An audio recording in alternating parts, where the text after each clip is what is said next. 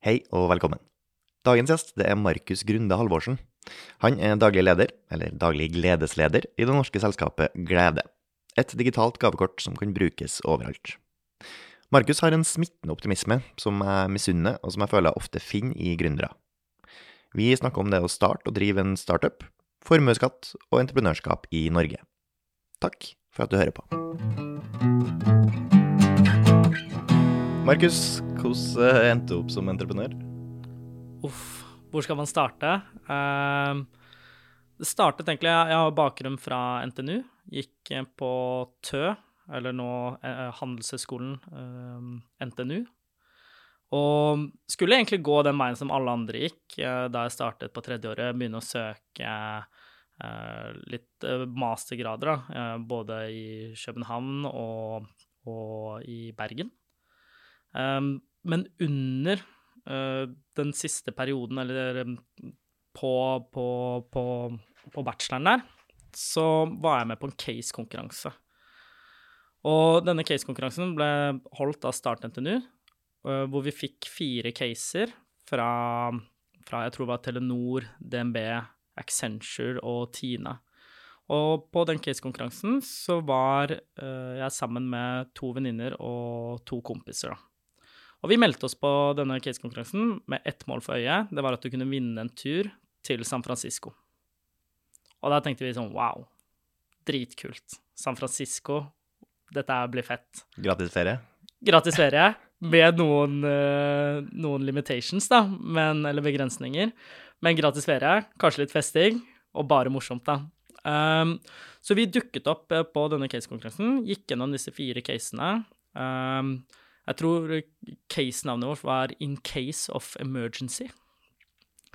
Ikke noe ringere enn uh, sånn type case-navn. Uh, og så viste det at vi vant da, denne konkurransen. Hva var konseptet? Uh, det var fire forskjellige konsept uh, som alle disse bedriftene hadde, da, uh, egentlig.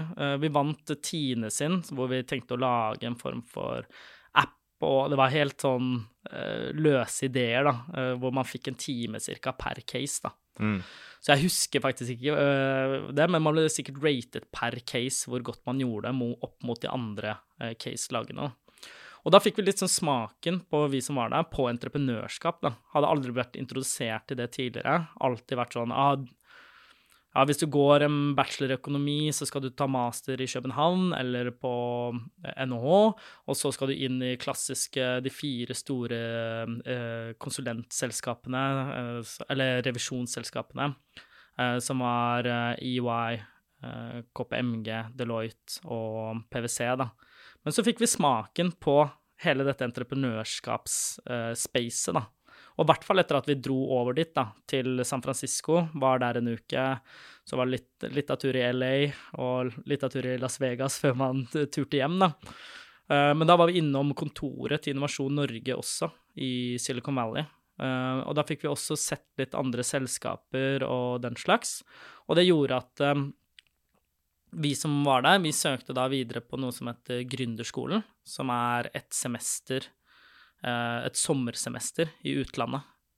Uh, hvor vi da tar en del fag og jobber i noen startups, da. Så vi dro oss dro til uh, Toronto i Canada og bodde der i tre måneder.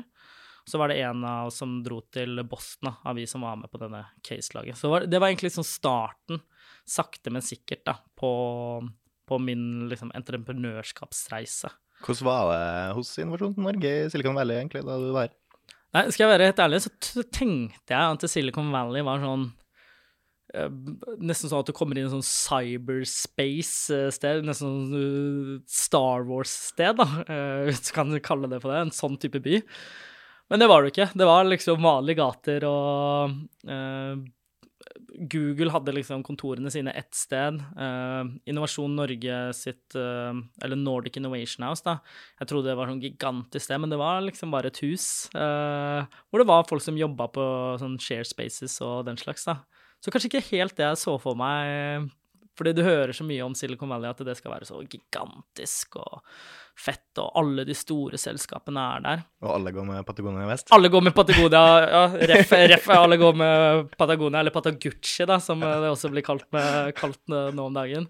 Men ja, det, det, var jo det da også. Vi skal jo Det her er jo tilbake i 2017, faktisk, ja. så det er jo seks, seks år siden.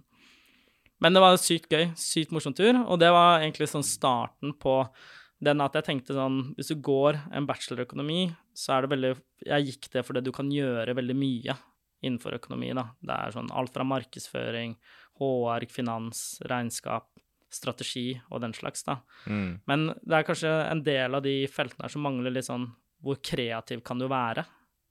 Og der kommer entreprenørskap inn for meg, da. Hvor du kan jobbe litt analytisk og den slags, men du kan også være ganske kreativ i ideer, da, fordi du må jobbe med så mye forskjellig, mm. egentlig. Og hva var det som liksom til slutt fikk deg til å tenke mot uh, entreprenørskapsskolen, da? Ja, så først var det jo den gründerskolen, som er en egen sånn sommersemester. Og så søkte jeg også videre da til uh, NTNUs entreprenørskole, som er en mastergrad, da. Og der må du vise karakterer, ha søknadsbrev um, og den slags, og du blir også tatt inn på intervju, da. Da husker jeg etter det intervjuet jeg var på der, da følte jeg meg ikke ehm, høy i hatten, da. Etter at jeg var der, var der inne. Nei, det virket som han stiller høye krav. Ja, det er høye krav, og så burnet det meg litt på spørsmålene. Når jeg endelig følte at jeg hadde noe å prate om, sånn at jeg følte meg litt sånn comfy, da, så sa de bare sånn Nok om det, og videre til neste spørsmål. Altså, du, ble sitt, du ble tatt litt Jeg tror det er litt av poenget deres, av at de skal føle at du Hvordan reagerer du hvis du blir tatt litt på senga, da. Ja. Men så kom jeg inn der, og det er jo en fantastisk uh, mastergrad uh, i mine øyne.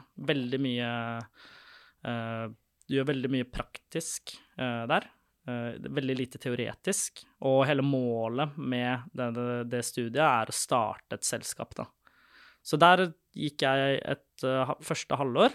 Jobbet veldig mye i det vi kaller for syretester, hvor vi mark gjør markedsundersøkelser på forskjellige ideer.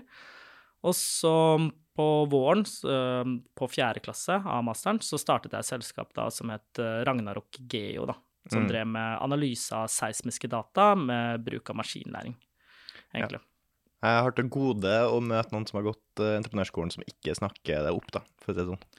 Ja, det er jo, det er jo drit... Jeg anbefaler alle som tar en bachelor å søke, jeg. Da, da, skal du Da skal man få kjørt seg litt, da, eh, rett og slett. da. Det er mye jobb, men det er mye morsomt og et vanvittig bra uh, studiemiljø, vil jeg si. Um, det er også noe med at man er en veldig liten klasse.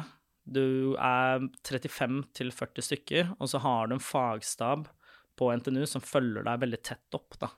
Så det gjør at du, du har ganske gode forutsetninger som student, da, riktignok, til å starte et selskap. Ja. Og så havna du med et selskap som heter Glede, eller starta et selskap som heter Glede? Det stemmer. Um, så etter to, ca. to og et halvt år i Ragnarok, um, så kom covid. Uh, og da, rett etter covid, så følte jeg at nå er min tid ferdig i dette olje- og gass-spacet som vi var inn mot med Ragnarok eh, der. Og da var det en kompis av meg, en som heter Jakob eh, Nelvik, som kom og sa Du, jeg har en idé som heter Glede. Hva, hva tenker du om den? Og jeg trigget sinnssykt på den ideen. Um, og glede, det Glede har blitt i dag, er jo et uh, digitalt gavekort rett på mobilen som kan brukes overalt i hele verden. Mm. Men det startet egentlig som um, der man kunne sende en kaffekopp på f.eks. på Dromedar i Trondheim, uh, Kaffebrenneriet i, i, Oslo. Og hvor du, da hvis jeg sendte deg, Sebastian, en kaffekopp, så kunne du gå og hente, plukke den opp, da. Mm. Det var sånn det startet, egentlig. Og da var det Vi tok litt sånn OK, covid skjer, mange butikker sliter litt, vi må prøve å få mer eh, folk inn i butikkene. Og det var mer sosial avstand, da. Så hvordan kan man opprettholde, en sånn god eh, god tone, da, når Mm. man ikke kan være i samme, samme rom eller være sosiale. Muligheten til å gi folk en såkalt oppmerksomhet. En liten oppmerksomhet, ja. Ja. Uten at det blir som vips, da. Fordi Mm. vips er ikke så personlig. Altså, ja, her kunne du Det er jo litt med personlig når du får lov til å ordne gavepapir og sånn Ja, digitalt. da. digitalt, og hvor du kan legge til et bilde og sånn. Det blir litt mer personlig, da. Um, så det var egentlig der, og så har dette konseptet utvikla Egentlig det konseptet gikk veldig bra, men det er veldig øh, vanskelig å skalere opp med alle disse partnerne, da. Så vi hadde en investor som sa Oi, gjør, hvordan skal dere få med Starbucks? Og da var vi sånn Det er et godt spørsmål. Det, det er vi ikke helt sikre på selv, skal vi være helt ærlige. Og da måtte vi endre Da bestemte vi oss for å endre konseptet til det vi har i dag, da. Som er Mm. dette digitale gavekort rett på mobilen, og kan brukes alle steder som aksepterer mastercard i hele verden. Og hvis du ikke bruker eh, gavekortet, så kan du donere det til veldedighet, da, eh, som jeg er litt stolt av. Eh, så det gamle konseptet hadde vi nesten 35 000 nedlastninger og over 25 000 gaver sendt, så det gikk eh, ganske bra, det konseptet. Mm. Men hvis man skal tenke litt større, litt mer internasjonalt og den slags, da, så er det nye konseptet nå eh, mye mer passende. Og så fikk vi veldig mange forespørsler fra bedrifter som ville bruke oss mm, til å sende ut til gaver til ansatte.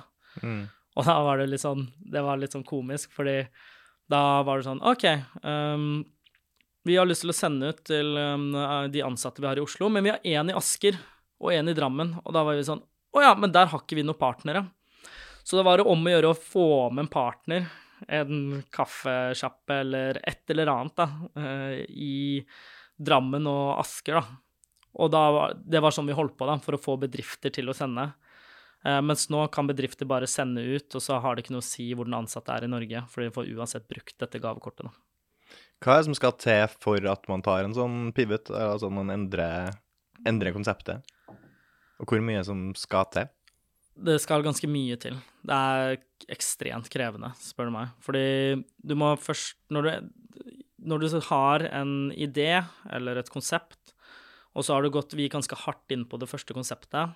uh, og så finner man sakte, men sikkert ut ok, er dette skalerbart. Har vi troa på dette konseptet uh, slik det er nå, eller skal vi da pivotere, da? Og da vi bestemte det, så måtte vi hente masse innsikt i to måneder fra bedrifter, sørge for at de faktisk ønsket å bruke det vi skulle utvikle på nytt. Um, så det er ekstremt krevende. Ekstremt krevende å få med et helt team på å snu seg rundt om at det her er det riktige valget, fordi det gikk ganske bra med den gamle appen. Men så handler det liksom litt med den, ok, hva har man troa på, hvordan skal man skalere noe, hvor stort ønsker man at det her skal bli, da. Så det er litt sånn subjektive valg også oppi det hele, faktisk. Ja.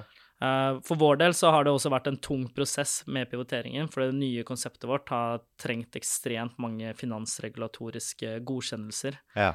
Så det har jo det blanding med det økonomiske klima, eh, rett og slett, som er nå med å hente inn penger, så har vi jo også måttet nedskalere. Og det kan jeg bare si, og det å nedskalere eh, en startup, det er knallhardt. Mm. Fordi du blir som en familie. Det høres veldig rart ut. Det er kanskje rart for folk som jobber i corporate, og det er kanskje litt spisse albuer og den slags, da. men det er det i veldig, veldig mange startups, så er det ikke så spisse albuer. Man blir en familie, da. Og det å måtte nedskalere da, det er knallhardt, altså. ja. Er det så greit er få og tilbringe ekstremt mye tid sammen, så blir det fort sånn. da. Ja, man tilbringer jo mer tid med de man, eh, med de man jobber med, enn de kjære man har hjemme, eller kjæreste, eller whatnot, da. Mm. Han sitter jo dag ut og dag inn med, de samme gjengene, med den samme gjengen. Ja. Så sånn er det.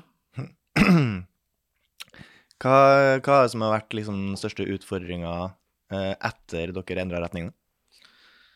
Um, en ting er bare det finansregulatoriske, som jeg var litt inne på. Det har vært ekstremt krevende. Uh, men så er det også det å introdusere et nytt konsept til markedet.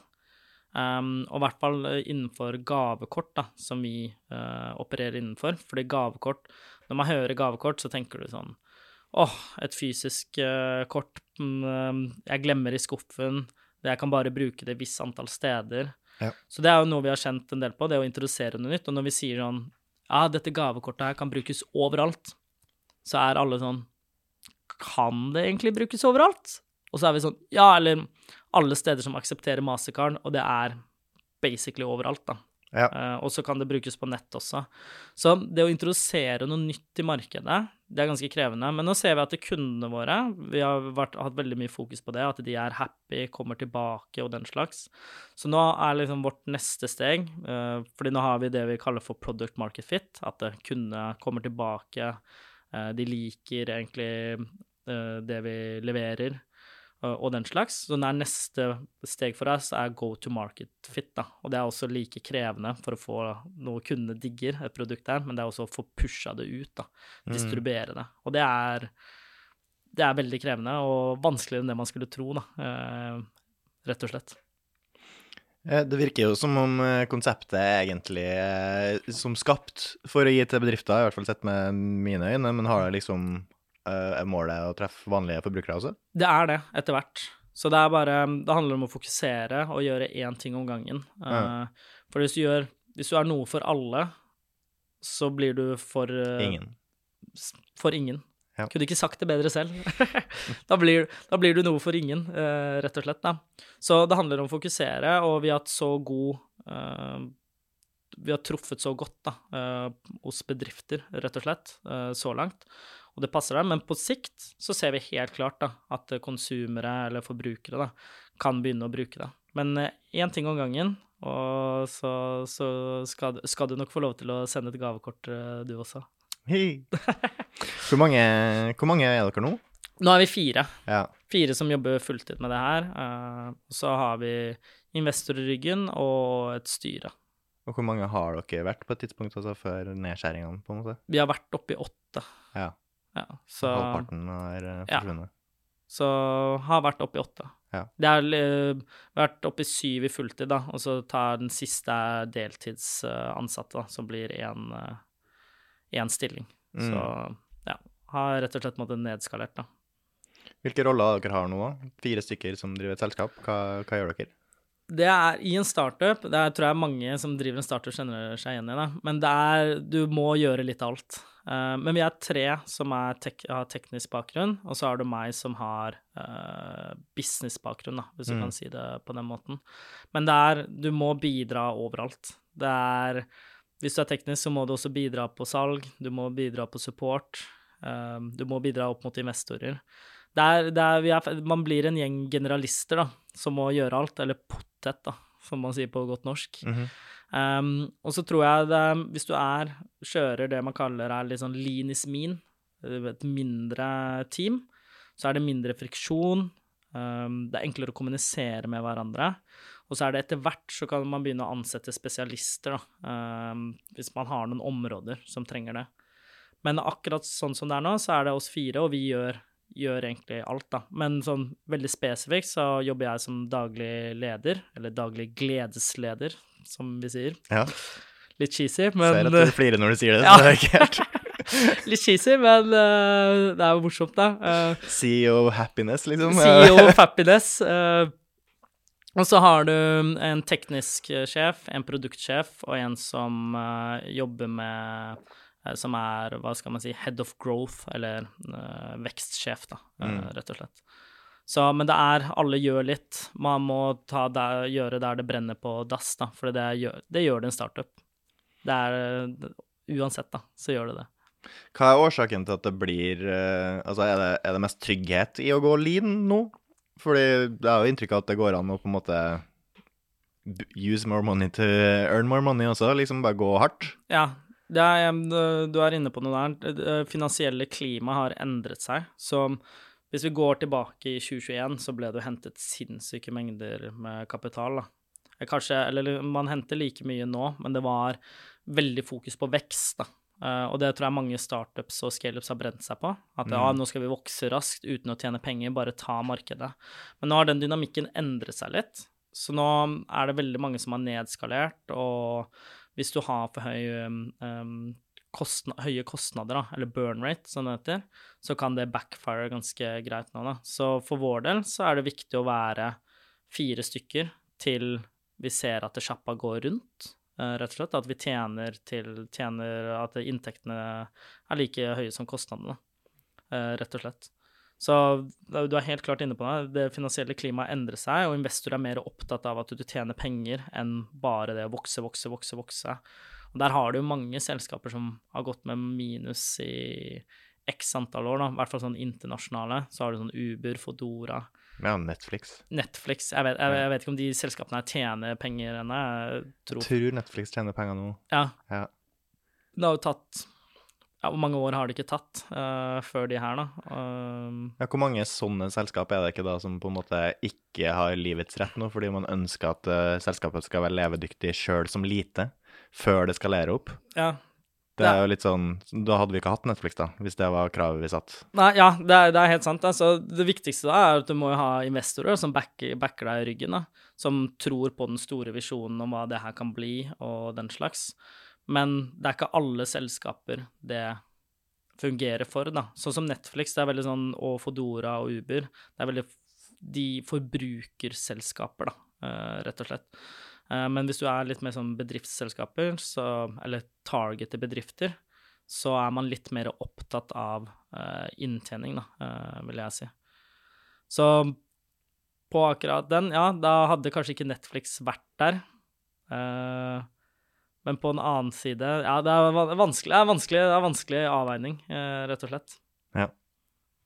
Hva, hvor hadde du lagt pengene dine hvis du hadde hatt hakket bedre økonomi, da? Hvor er det liksom hadde, du, hadde, du hatt hadde du hatt enda mer bedre økonomi nå? Hvor hadde du satt pengene dine, på en måte, i Um, selskapet? Og for vår del så Ja. hadde jeg sagt, satt det på å pushe produktet vårt enda mer ut i markedet. Så jeg hadde nok ansatt noen salgspersoner, Ja. eh, rett og slett, for å selge til bedrifter. Eh, for vi ser at det fungerer eh, veldig, veldig bra. Så det er det jeg, det jeg hadde gjort eh, per dags dato. Mm. Eh, På det tekniske så har de tre jeg jobber med, da, som er Fredrik Sørmo, Erik Kjernli og Oli- Oliver Os, de har stålkontroll. da. De er, de er ekstremt dyktige karer. Så jeg er ø, superhappy for å jobbe med de, da. Vi har, det er, det er, nå går jeg litt utenfor, da, men det er sykt morsomt å jobbe med folk som du har det veldig gøy med, Mm. og som backer deg i tynt og tynt, tykt og tynt, og tynt og tynt, Tynt og tynt, og tynt, og tynt også. Eh, så er det det er sånn supergøy, da, og ikke noe spisse albuer. Og det handler bare om å drive selskapet fremover, da, og hvordan vi kan gjøre det sammen, Mm. rett og slett. Har dere eh, konkurrenter? Det har vi. Mm. Vi har en del eh, konkurrenter som har vært der ganske lenge. Det er um, Du har to som er fysiske gavekort, som er ditt gavekort og universal presentkort. Um, de det, jeg tror de fleste kjenner til universal presentkort, i hvert fall. Som er et gavekort som man kan bruke på forskjellige utsalgssteder og kjøpesentre i Norge, sammen med ditt gavekort. Så det er Mm. de to største konkurrentene våre på fysiske gavekort. Og så har du uh, Hooray og GoGift er to andre konkurrenter vi har, da, som er mer di digitaliserte, sånn som oss. da. Men de er, der er det også slik at eh, du må bruke gavekortet, eller velge til slutt, da, eh, spesifikke utsalgssteder, om det er McDonald's, eh, XXL osv. Så, videre. så vi har konkurrenter. Det er, det er et sånt uh, crowded space som vi går inn, inn i. Men vi har jo troen på alt av det, våre analyser og det vi har snakket med kunder, da, så setter de ekstremt stor pris på at mottaket kan bruke det overalt, da. Fordi det er ikke alle steder Hvis du sender til noen i Vadsø, da, som er oppe i nord, i hvert fall. Eh, Kanskje, noen ville kanskje karakterisert det som litt øde. Ehm, der er det ikke nødvendigvis noen steder du kan bruke disse gavekortene fra disse andre aktørene. Eller på Odda, eller Geilo, eller whatnot, da. Mm. Faktisk. Har dere prøvd uh, prøvd ennå å selge inn da, til typ kjøpesentre? Sånne ting? Er det, er det en aktuelt, det? På sikt er det det. Ja. Så vi har, vi har en plan på det, um, og begynner med partnerskap og den slags. Men det er litt samme som jeg snakket om med forbrukere, én ting om gangen. da. Så Ja. nå handler det om å få bedrifter til å like løsningen vår og bruke den, og så kan man begynne å se på den andre siden av plattformen, som er den uh, tilbyderplattformen, da, uh, tilbydersiden, mener jeg, Mm. som er partnerskap, hvor man kanskje potensielt etter hvert kan få rabatter og den, den slags, da, hvis du bruker det på disse, disse utsalgsstedene. For det er ikke noen grunn til at de to, eh, to typene gavekort egentlig kan koeksistere, eller sånn egentlig. Helt klart. Eh, så kan jeg se for meg at det er litt motstand for det også, fordi vanlige gavekort er sikkert ganske lønnsomt. Siden Ja, det- folk glemmer å bruke det. Det er det. Kan jeg se for meg. Det er det. Så vanlig eh, De har ganske gode marginer, vil jeg si, da. Ja, Selger papir. Ja, det, ja, det er det. De selger papir. Så de har ganske gode marginer. Og så er det jo Viktigste for oss er jo at også gavekortene blir brukt. Og det er det å gi muligheten for det, da. Og når Ja. du kan bruke det overalt, så blir det en del av vanene dine og den slags, da. Og når det er rett på mobilen, og du får påminnelser og den slags, da, så er det enklere å huske på det også. Mm. Enn å glemme det i en skuff, da. Potensielt. Hva er det som er de største utfordringene med det økonomiske klimaet vi er i nå? Er det at dere ikke har den samme backinga hos investorer som dere skulle ønske dere hadde? Eh, Vi har god backing av de investorene vi har hatt med nå, og vi hentet en runde kapital nå rett før sommeren. Og da er egentlig målet vårt er å begynne å gå i, i break-even, altså å få inntekter som er like, eller høyere da, enn kostnadene våre. Så jo, vi har helt klart backing, men det er det som er uh, med investorer. Uh, veldig sånn typisk i startup-verden og, og den slags, så er det veldig mange som Ja, men de har henta så mye penger, og, og investorene investerer i de, og tenker på den visjonen de har, og den slags. Men når det kommer til selskapet på generell basis, det er én ting som gjelder, og det er kunder. Kundeinntekter. Det er det som egentlig sier noe om et selskap, da, hvor bra det er da, eh, etter hvert. da.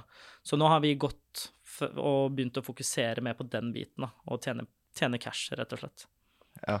Og da er det når man begynner å se det, at man går i break-even der, så kan man begynne å hente en ny runde kapital. Da. Men vi kan ikke leve evig på investorpenger, Nei. det, det fungerer jo ikke. Dere hadde nylig investorrunde også. Ja, stemmer. Hvordan, hvordan er det da, når du må ut og be om Hei, vi trenger mer cash. Ja, altså, vi hent, vi har eh, da Nå rett før sommeren så hentet vi 6,5 million. Vi klarte det ekstremt raskt, da. Eh, vi reachet ut til nettverket vårt, egentlig. Så vi hentet det fra vi begynte å lage det pitchdekket, eh, som var første uken i mai, til pengene var på konto, så gikk det seks uker, da. Som er ganske raskt, eh, har jeg skjønt, da. Men vi reachet ut til alle vi kjente, egentlig, og sa hei, vi skal hente penger, er det noen du kjenner? Og da brukte jeg også nettverket fra NTNUs entreprenørskole, ringte alle der, lurte på hei, er du interessert i å investere, eller kjenner du noen som skal investere? Så vi reachet ut til sånn 800 stykker eller noe. Ja. Så du har ringt 800 stykker? Ja, mer eller mindre. Jeg har i hvert fall sendt melding til 800, og så har jeg ringt 500 eller noe. Okay. Så, så skikkelig hustler-mentalitet, da. Eh, og så Hvilken er- pitch, hvordan pitch kom du med, da? Husker du liksom Hva, hva er pitchen du gir, hvis du hadde ringt meg nå? Og hvis jeg hadde ringt deg nå ehm, Hvis jeg kjenner deg fra før av, da, for det er, det er veldig viktig at du har en varm intro, eller Ja. at jeg kjenner deg på et eller annet vis. Hvis jeg bare ringer Warm deg lead? Ja, warm lead. Hvis jeg ringer deg kaldt, så er man jo Det skal litt til. Ja, det skal litt til. Da vil jeg nesten si at du er fucked, men uh, man er jo ikke det. Jeg Men skal det ikke ha noe lodd. Nei, det skal ikke ha noe lodd. Ja, men det er helt sånn stemning, stemning der, da. Men uh, pitchen var, var veldig sånn, sånn Hei, mitt navn er Markus. Uh, har bakgrunn fra NTNUs entreprenørskole. Jeg har jo tidligere startet eh, et selskap som heter Ragnar og Geo. Men for tre år siden startet jeg et nytt selskap som heter Glede. Et digitalt gavekort rett på mobilen som du kan bruke overalt i hele verden. Vi skal hente en runde kapital nå. Jeg vet om noen som kunne vært interessert, eller kanskje du er interessert. Mm, jeg er litt interessert, men jeg vil gjerne vite litt mer om selskapet og ambisjonene og sånn. Ja, ja, let's go. og, så, og så vil jeg gå da videre da, på litt sånn metrics, hvordan det går, hvem vi er, og den slags, da. Og så vil jeg alltid avslutte med deg, du kan jeg sende deg en mail da, med mer informasjon. Og det der fungerte egentlig ganske bra for vår del. Og så er det litt sånn når du henter Vi skulle egentlig hente fem mil, og så endte vi på seks og en halv, da. Og det er sånn når du kommer over noen visse sånne um, Hva skal jeg si Thresholds. Veldig mye engelske ord jeg bruker, men thresholds. Så når vi kom opp på tre millioner, Ja. av de fem så begynte ballen å rulle litt, da. Da begynte flere å bli interessert. Um, For da, da kan du hvile deg på det òg, eller? Da kan du si hei, vi har allerede henta tre av fem mil. Ja, de deg med på bølgen, liksom. ja det, det er nesten sånn, da. Og så får, har du fått den verifiseringen fra flere andre Ja. som er, går god for deg, da. Uh, fordi veldig Første mange investoren er den vanskeligste. 100 Ja. De første er uten tvil det vanskeligste. De enkleste er siste, ja, siste 1,5 millioner der, da. Uh, da går det unna, da. Mm. Men det, uten tvil det vanskeligste er å få med de første. Men det gikk ganske raskt i vårt tilfelle, da. Men eh, det var mye sånn småsummer. eh, eller ikke som privatperson, da. Det er 100 000 er mye. Men sånn investorverden, da, så er ikke 100 000 nødvendigvis så mye. Så mm, det handler om å få med de første, og så skjønne hvem skal jeg bruke tiden min på.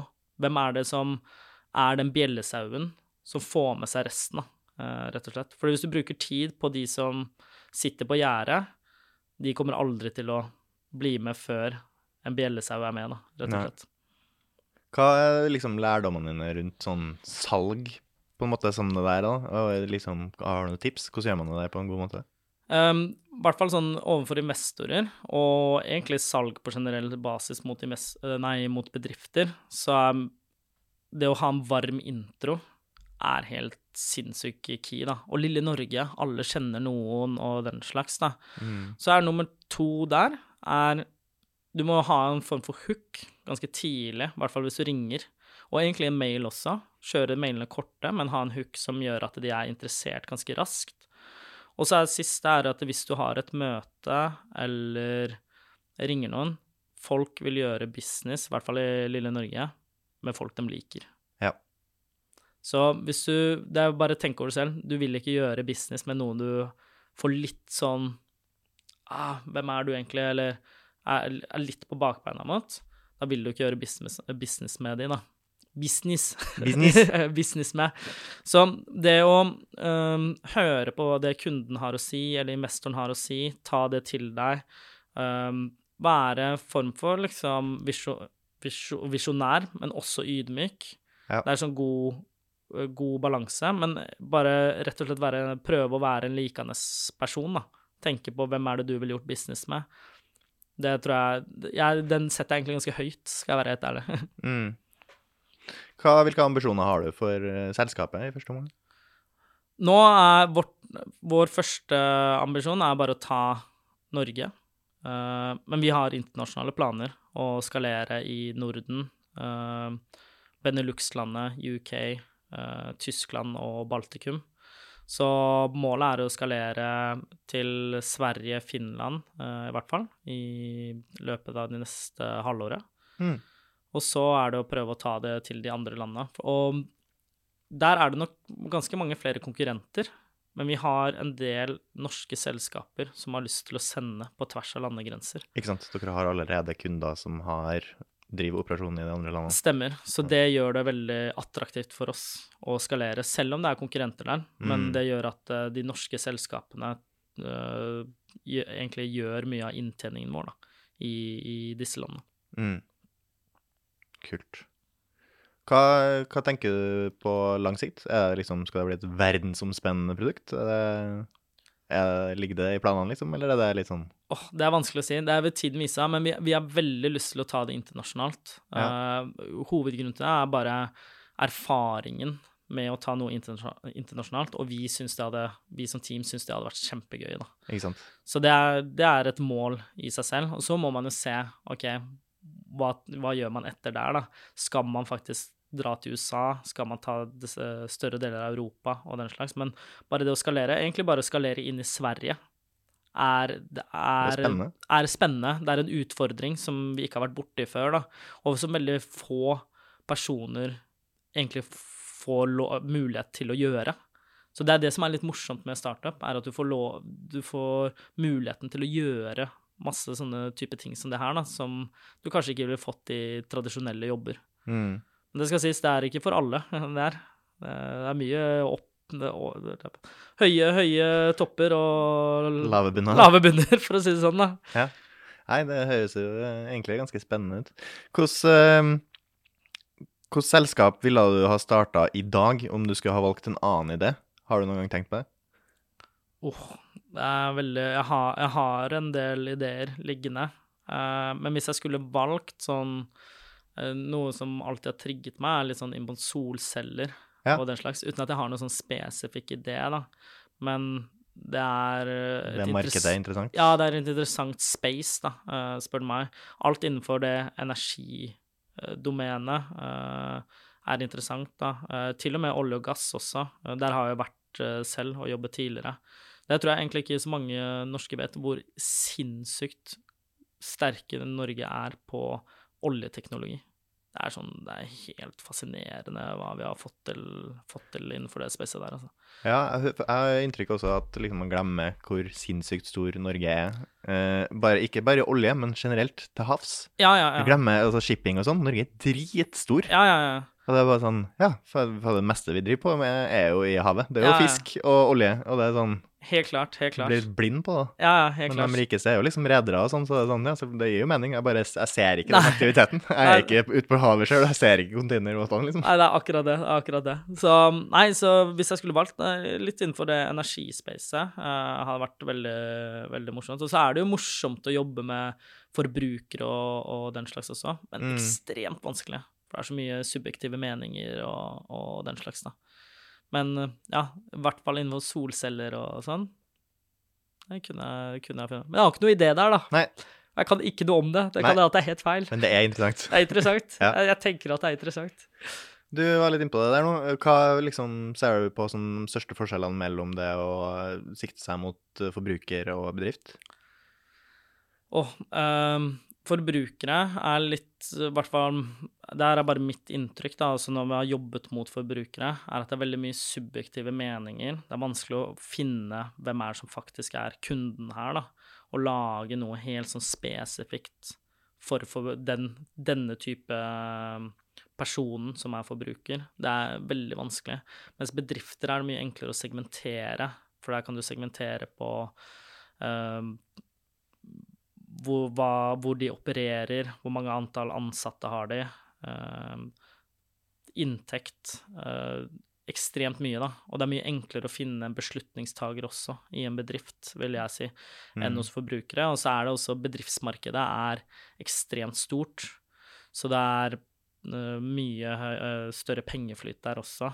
Ja. Eh, men, det er, det er, men det er det med forbrukere, hvis du først treffer hvis du er en Netflix, eller hvis du er en Facebook, eller hvis du er en Instagram, så er det vanvittig, da, hva man kan gjøre. Men det er, hvis man tenker over det, tenk deg antall apper du har på mobilen som du bruker som forbruker, da.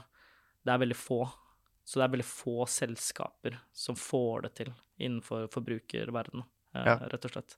Jeg tenker at eh, med bedrifter så må du jo ofte bare overtale én person, sant, beslutningstageren. Mm. Men du må også ofte egentlig overtale noen om å bruke bedriftens penger, og de sitter kanskje litt løsere enn dine egne, med mindre du er en knøttliten bedrift, der du på en måte er Uten, Der bedriften er deg. Uten tvil, da. Så man kan jo tenke det på alle sånne programvarelisenser en Mm. bedrift har, da.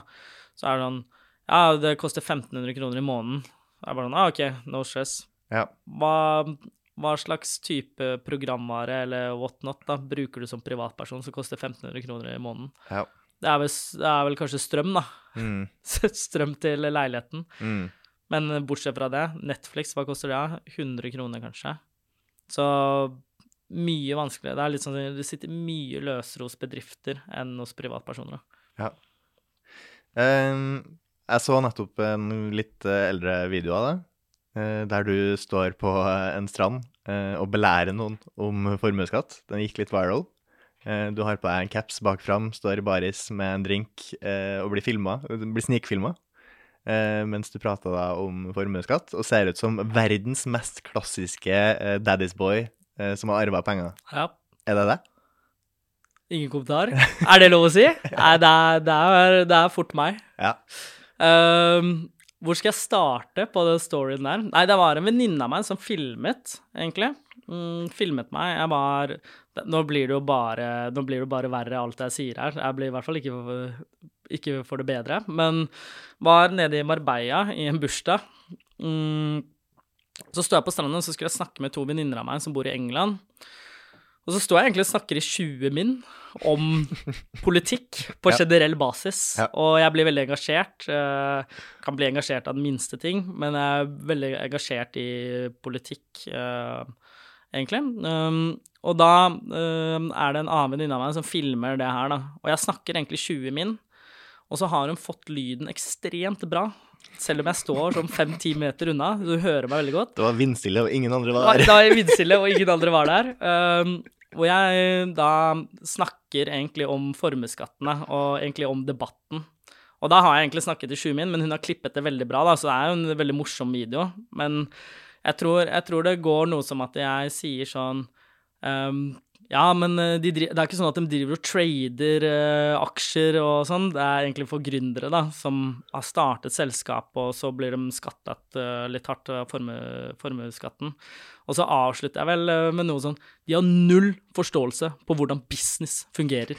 Og det, ser, det, det, kan, det kan man jo si at det, ser jo ikke bra ut. Det er litt sant, noe av det jeg sier der. Uh, fordi det er jo Jeg har ikke noe særlig formue nå på de selskapene jeg har starta, men hvis det hadde gått veldig bra, da, eh, og man har henta masse kapital, så må jeg begynne å, betale skatt da, på den, fordi jeg eier eh, aksjer i selskapet jeg startet.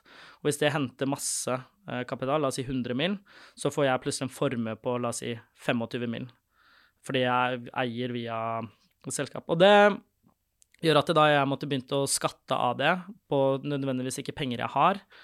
Og derfor er jeg mye mer for at man kanskje skal øhm, øhm, kjøre skatt på realisert øh, gevinst, da. Mm. Og så skjønner jeg, jeg skjønner, jeg skjønner at det ikke er lett for politikerne å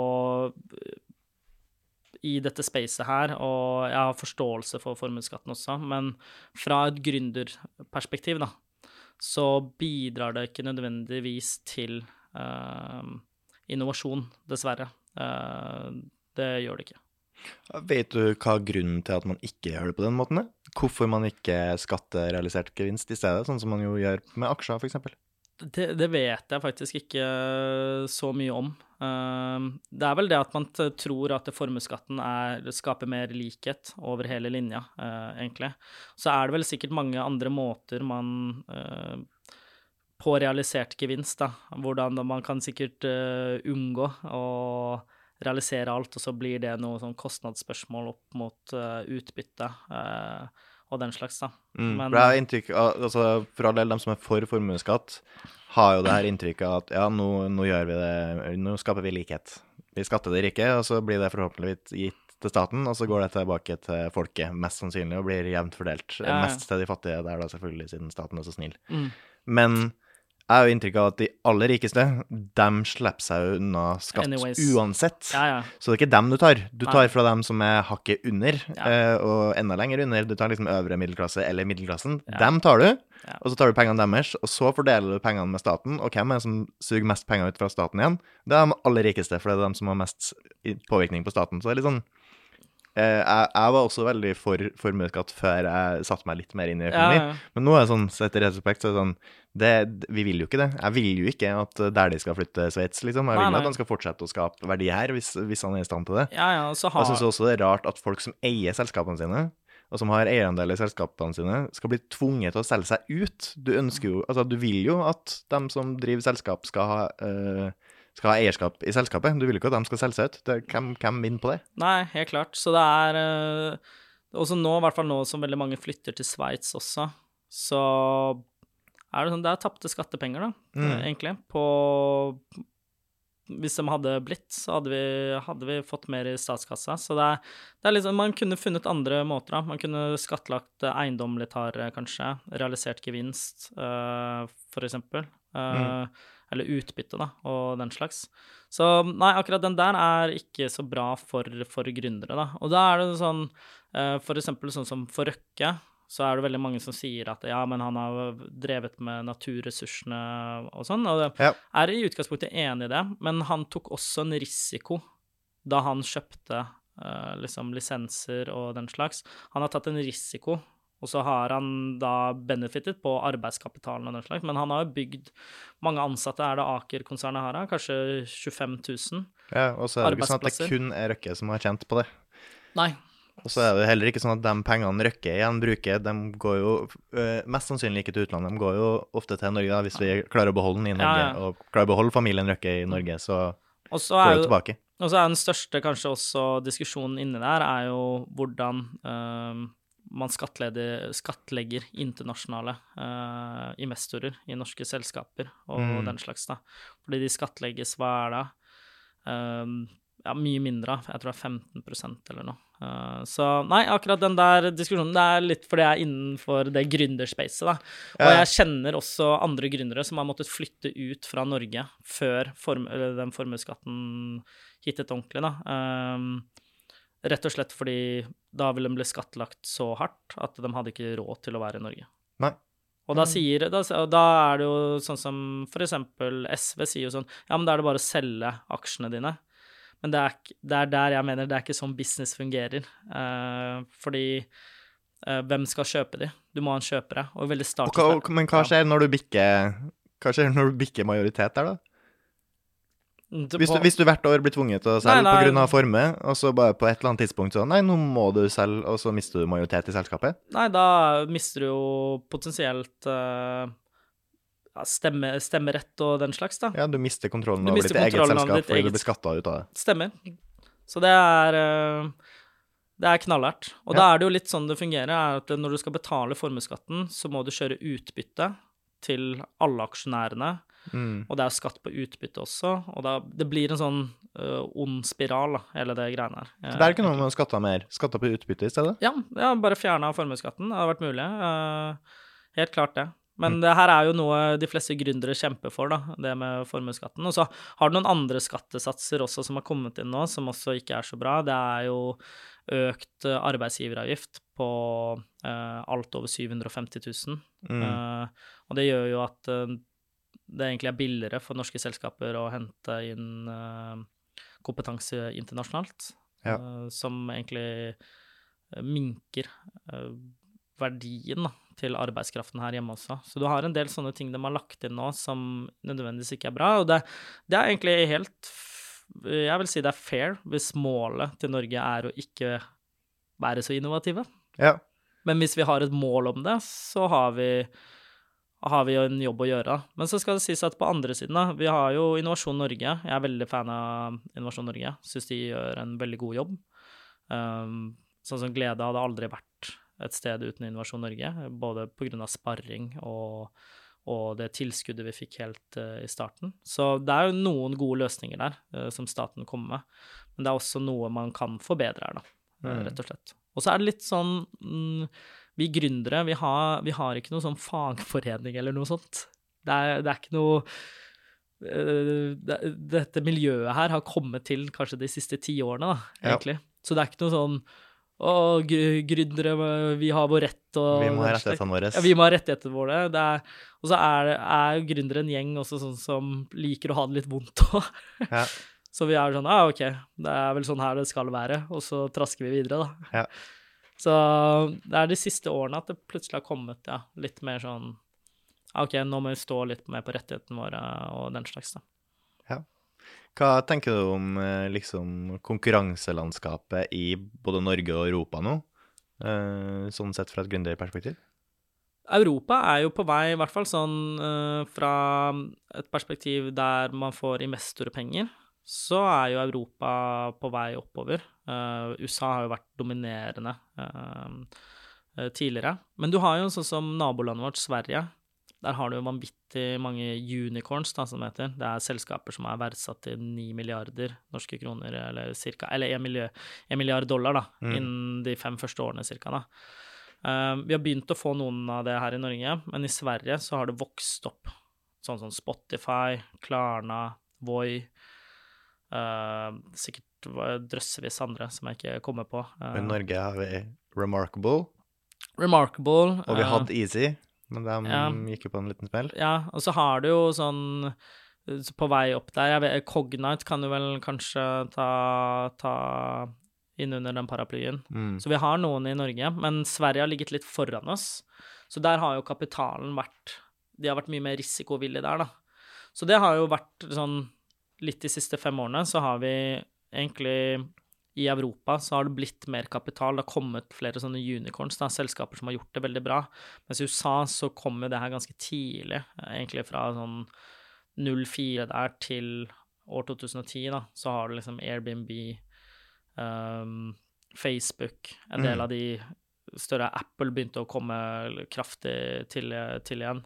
Så um, det vil jeg si er noe som har endret seg i, i Europa. Og så har du begynt å få mer sånne gründermiljøer da, i de store byene.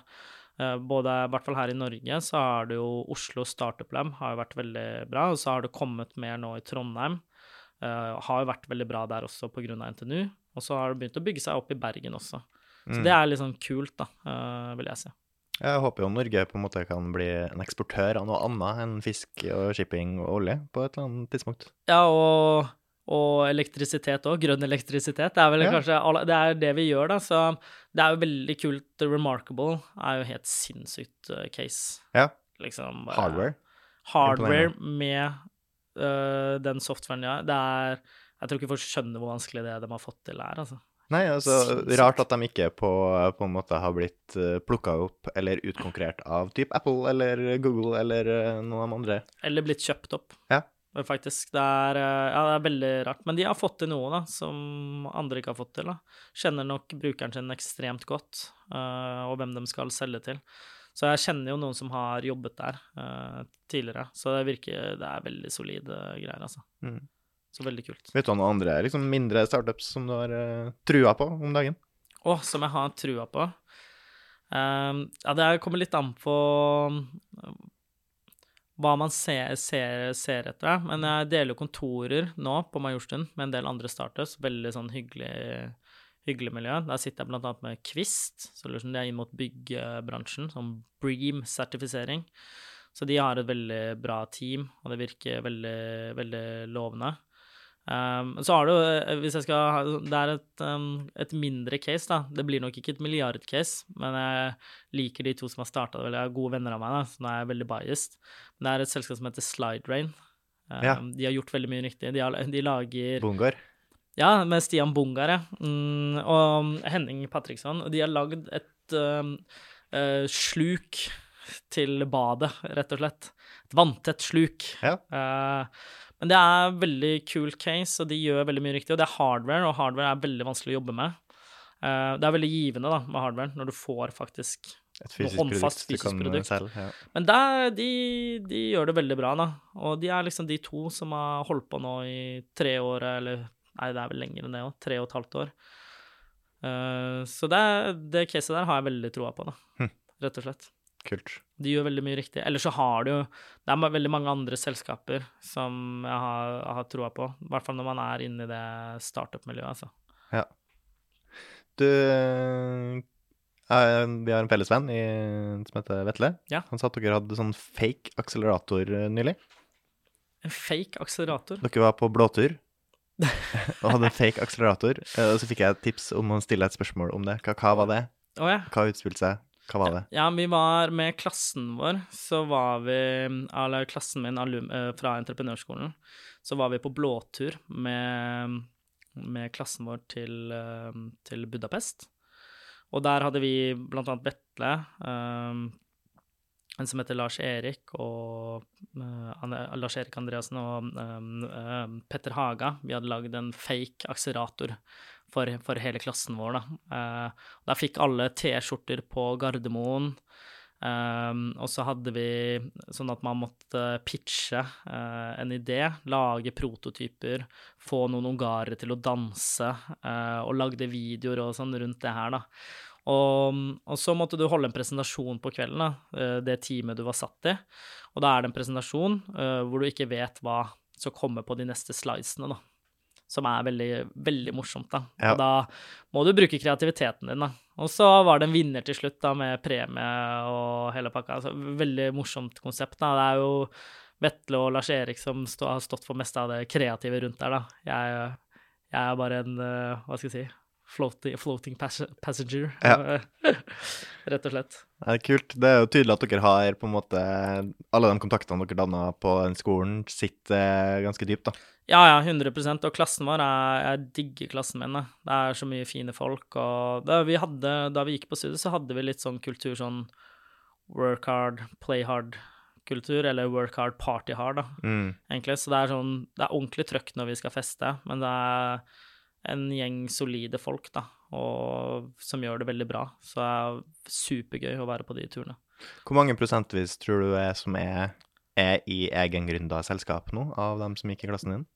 Jeg tror, jeg tror vi er oppe i hvert fall over 50 Ja. det, er to, det er jo fem stykker som har solgt selskapet sitt, uh, vi, um, som har blitt kjøpt opp. Men de jobber videre i de selskapene, så jeg tror vi er oppe i Jeg tror vi er mer enn 50 av det. Jeg tror vi er oppe i sånn 60-70, faktisk. Det er jævlig bra, ikke det? Jo, det er supergøy, da, men det er Man har kommet fra en klasse som er sånn ordentlig stå-på-klasse, og som tenker sånn OK, ja, frem til jeg er 35, kan jeg egentlig gjøre, prøve å gjøre hva man vil, teste ut mye forskjellig. Eh, må ikke inn i, hva skal jeg si, rigide jobber og den slags, da. Så nå er det, og det er flere av de som startet i konsulentjobber og jobbet der to år, og så har de gått ut og startet egne selskaper, eller kommet tidlig inn i startups, da. Så det er veldig, veldig, veldig kult. Mm. Hm. Ja, det er imponerende. Tusen takk for at du kom, Markus. Jo, tusen takk.